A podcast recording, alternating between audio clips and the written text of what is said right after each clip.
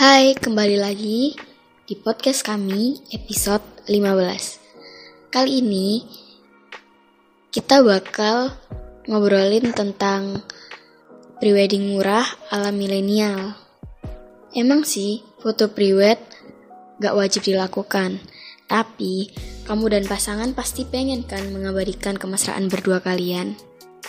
Bahkan, potret kalian nanti juga bisa jadi dekorasi di hari pernikahan hingga di rumah kalian nanti. Namun, kalian harus bisa memutar otak supaya foto prewedding gak menyedot banyak biaya.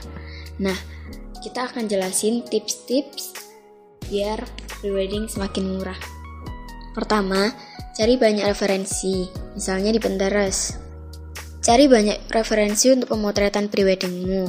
Gak perlu mencari konsep foto yang wah. Carilah konsep foto yang unik dan mudah dilakukan. Ada banyak sumber kok yang bisa dijadikan inspirasi. Salah satunya di Pinterest. Kalian bisa masukin kata kunci simple prewedding ideas atau simple prewedding photoshoot. Dan kalian bakal nemuin banyak referensi manis untuk sesi foto kalian nanti. Yang kedua, Gunakan kamera HP yang beresolusi tinggi dan pakai tripod. Kamu nggak perlu memakai kamera berharga mahal kok. Gunakan saja handphone dengan kamera beresolusi tinggi.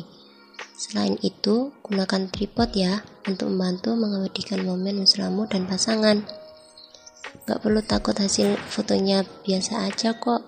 Kamu bisa mengeditnya menggunakan aplikasi lainnya. Yang ketiga, Cari teman yang hobi fotografi untuk membantumu mengabadikan momen berharga. Selain itu, ada cara lain yang bisa kamu gunakan, misalnya meminta bantuan teman atau saudara yang punya hobi fotografi.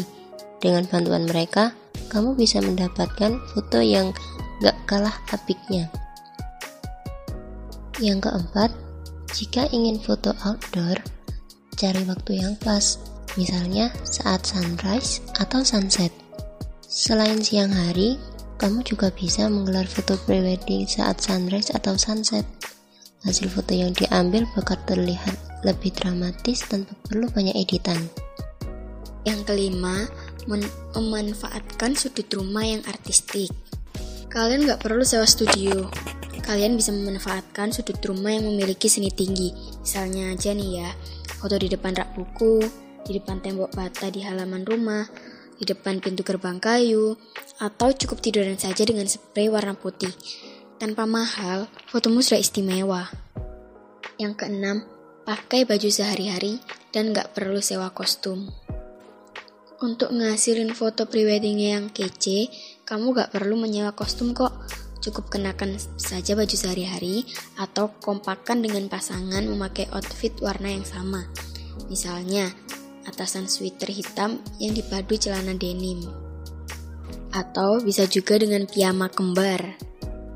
Yang ketujuh, foto di taman, kafe, atau lokasi hemat biaya lainnya.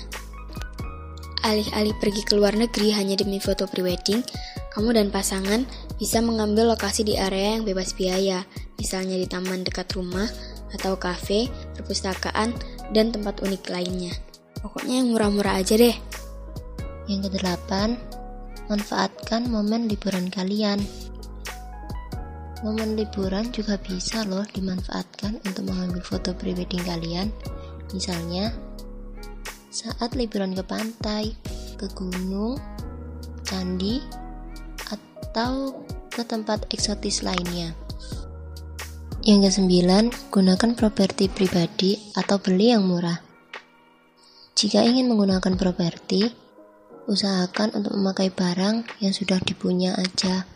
Misalnya, kursi kuno di rumah kakek, boneka beruang dari pacar, atau vas bunga yang ada di rumah.